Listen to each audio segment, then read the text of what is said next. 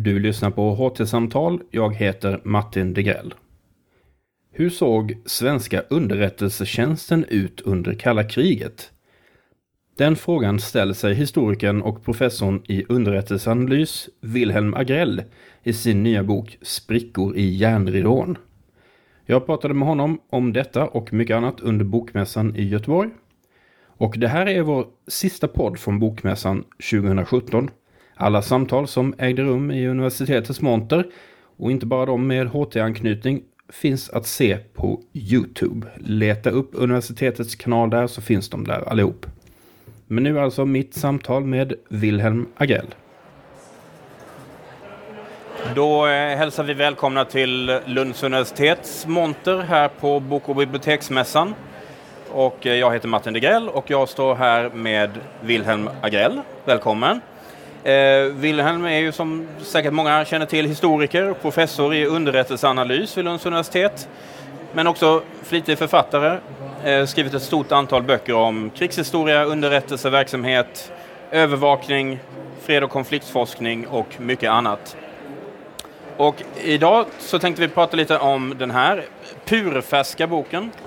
Sprickor i järnridån, Svensk underrättelsetjänst 1944 till 1992 det är en historieskrivning av den svenska underrättelseapparaten från andra världskrigets slutskede ungefär till slutet av kalla kriget. Och förra året så stod ju du och jag här och pratade om eh, eh övervakning i vår egen samtid och, och framtiden. Och nu istället är det en tillbakablick kan man säga på den övervakning som, som eh, pågick på den lite äldre tiden. Och den skildrar alltså Sveriges underrättelsetjänst från ja, det vi populärt kallar kalla kriget, det vill säga slutskedet av andra världskriget ehm, till eh, det du kallar fredsutbrottet, alltså ehm, i samband med Sovjetunionens upplösning. Mm. Och i arbetet med den här boken så har ju du kunnat ta del av ett tämligen unikt material som inte har kunnat ta, eh, använts tidigare.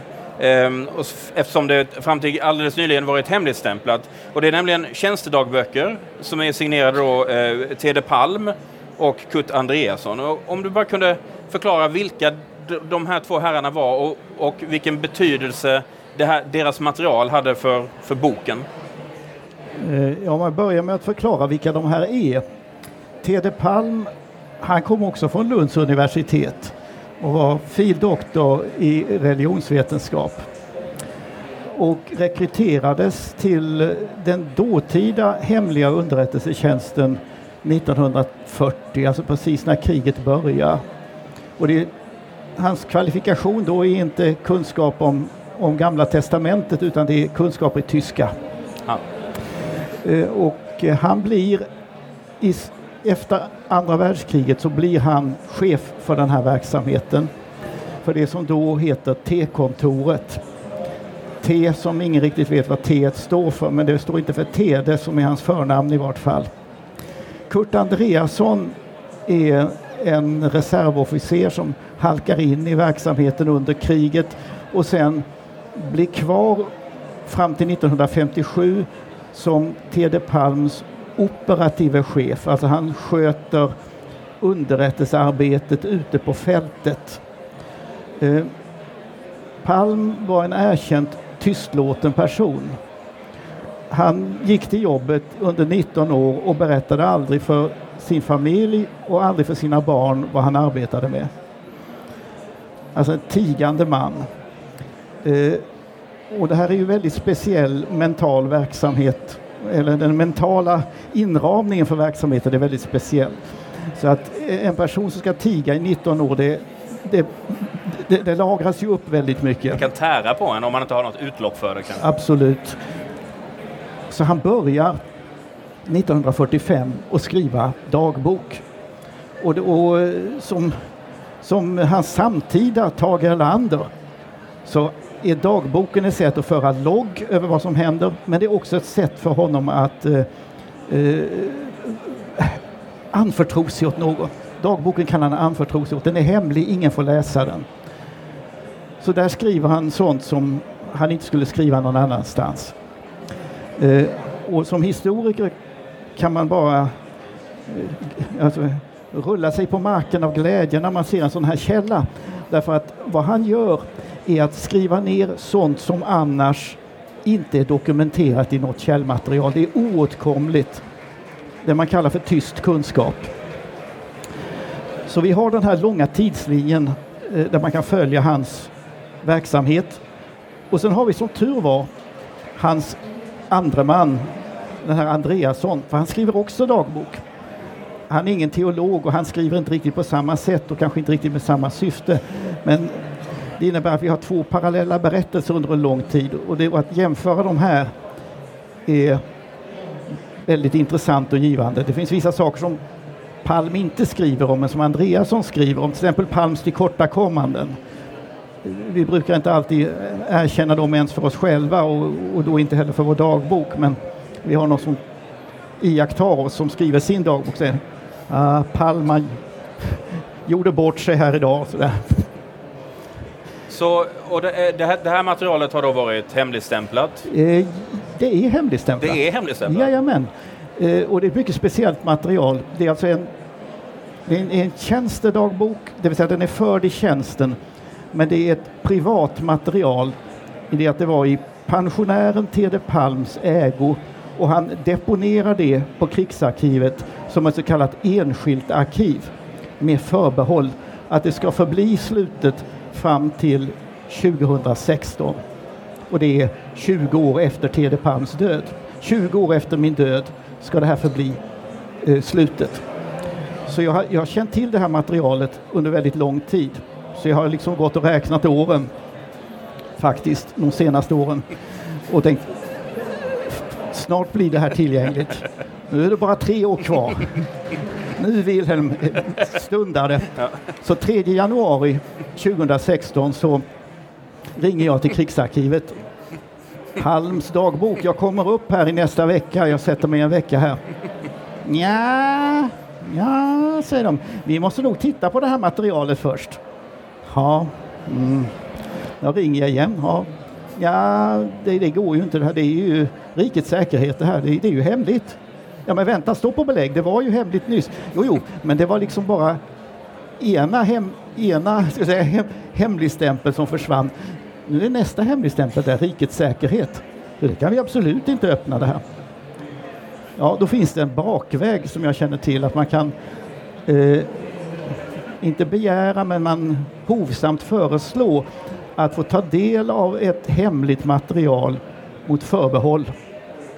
Och förbehåll innebär att krigsarkivet eh, får eh, läsa igenom det jag skriver och så att säga, censurera det. Mm. Och då har de fortfarande kontroll på materialet. Och det, är en, det är en stor ynnest att som historiker få arbeta på det sättet. Eh, så det gjorde jag och det har fungerat mycket bra. Och materialet är alltså, ja det är censurerat den här boken, men de strök ingenting. Och det beror på att man kan ganska lätt själv räkna ut om man har liksom eh, någon, någon kringkunskap vad det är som man inte ska skriva om. Mm. Och i det här sammanhanget är det framförallt personuppgifter. Men eh, du, du, skriver att materialet var ju som naturligtvis en katalysator för boken men att tankarna på att skriva en dylik bok har, eh, har funnits väldigt länge. Ja. Eh, kanske inte bara för att du visste att det här materialet Nej. låg och, och, skvalpade någonstans i ett hemligt arkiv utan det finns också en, en, en lite personlig koppling. Du ja. gör ett eh, liksom... Jo. Jag, jag började arbeta 1974, det var mitt första riktiga arbete, min första anställning. Det var inte som eh, amanuens på en institution utan det var eh, som anställd vid vad som då hette flygstabens underrättelse och säkerhetsavdelning. Så jag kom in i den här verksamheten och arbetade ett antal år i den. Och ganska tidigt så väcktes tanken hos mig att jag skulle någon gång skriva om den här verksamheten och skriva om dess historia. För den hade en, redan då, när jag kom in 74, så insåg jag att det här fanns en, en historia, en förhistoria, som då var historia och som det pratades om. Sånt, de, de äldre kollegorna berättade saker vid kaffet om sånt som hade hänt på 50-talet. Eh, så att den här tanken har funnits under lång tid när jag har forskat här och forskat där och forskat där.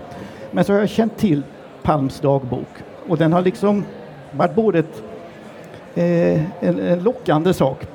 Men också spärrat vägen. För att jag insåg att det, det, är ingen idé att jag försöker skriva om det här förrän jag har tillgång till Palms dagbok. Därför att så mycket, jag räknade med att den innehåller så mycket unikt material att det jag skriver utan den, det kommer inte att hålla när väl den blir tillgänglig. Och du blev inte besviken på det? In, som, inte, det minsta, nej. inte det minsta. Eh, men om vi, om vi nu går tillbaka till slutet av andra världskriget. Eh, jag får ju upplevelsen lite grann när man läser boken att underrättelsetjänsten i Sverige befinner sig i någon form av lite limbo sådär. Mm. Att med li lite oklart primärt syfte framförallt efter kriget och vad ska vi ta vägen nu? Och den, det, det, var inte alls en självklarhet att de stod under så att säga, beskydd av eh, eh vad ska vi säga, stat, statsapparaten utan de, de, behövde någon form av de behövde en ÖB eller de behövde en statsminister som såg eh, milt på dem så att säga. Ja. Hur skulle du beskriva den eh, identitetskrisen om vi så ska kalla det? Ja, det, det det man kallar en, en organisation på spaning efter sin uppgift. Det är samma fenomen som återkommer på 1990-talet. Då Must har räknat de sovjetiska fartygen i Östersjön för sista gången för det finns inga kvar. Och vad ska vi nu göra? Och hur ska vi nu motivera vår existens? Och vad ska statsmakterna säga och snart skär de ner vår budget? Det här är inte ett specifikt svenskt fenomen men eh, man har de här efterkrigssvackorna. Det kommer en efter första världskriget. Vi behöver ingen underrättelsetjänst, det är fred i Europa. Och så kommer nästa då 45. Eh, nu är kriget över, nu kan vi dra ner allt sammans igen. Eh, och så kommer ju nästa på 90-talet och den är lite utanför den här bokens tema. Men eh, det är intressant att se hur, hur, hur försöker man motivera sin existens? Och då säger man järnridån. För det har de insett redan 45. Järnridån har gått ner. Det finns ingen information om vad som händer på andra sidan. Det är bara vi som ska skaffa den. Alla normala källor har upphört att fungera. Det finns inga diplomater som kan rapportera om de här förhållandena. Att attachéerna får inte röra sig här. Den hemliga underrättelsetjänsten är det enda vi har. Den måste vi fortsätta med en annan, en annan, ett annat tema som framkommer lite grann och jag tycker det känner igen från tidigare böcker också. Det är eh, bilden av den lilla människan i det stora maskineriet. Alltså att vara en, en eh, kugge i det stora hjulet och mm. att inte riktigt veta vad grannen i kontoret intill håller på med för att det finns en medveten så att säga, decentralisering. Ja. Eh, vad gör det med själva identiteten? Alltså det, det, det verkar vara svårt att för underrättelsetjänsten att ha just en vad ska vi säga, en uniform enhet ja. på det sättet, eller en identitet? Ja, ja. ja, för det första så innebär det att det finns en, inom det här systemet, om vi ska kalla det så, eller, så finns en, e, ett antal eh, subprofessioner och grupperingar som har ganska liten kontakt sinsemellan och som bygger upp sin egen identitet och sin egen yrkesroll men som har kanske ganska, ganska litet grepp om vad helheten går ut på egentligen. Det är en väldigt svårstyrd verksamhet.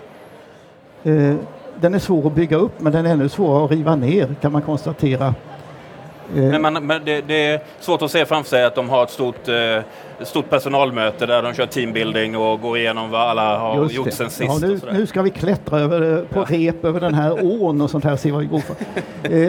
Jag har jag har en hel del både skriftliga och muntliga källor från IB-tiden som säger att IBs personal träffades aldrig. De träffade aldrig dem. Det var en ganska liten organisation, men de träffades aldrig. Man hade inga sådana här möten. Man hade ingen aning om vad de andra höll på med och man skulle inte ha det heller. Det är en del också av den här, det professionella etoset.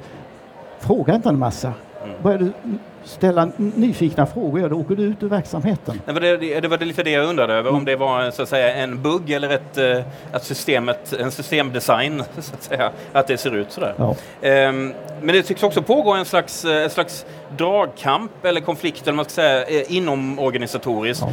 kring huruvida vi fokuserar på nuet, här och nu, och lösa de problem som mm. finns nu, eller ägna sig åt långsiktiga kanske ibland diffusa, lite gissningssituation. Eh, eh, kan du berätta lite mer om, om det? Ja.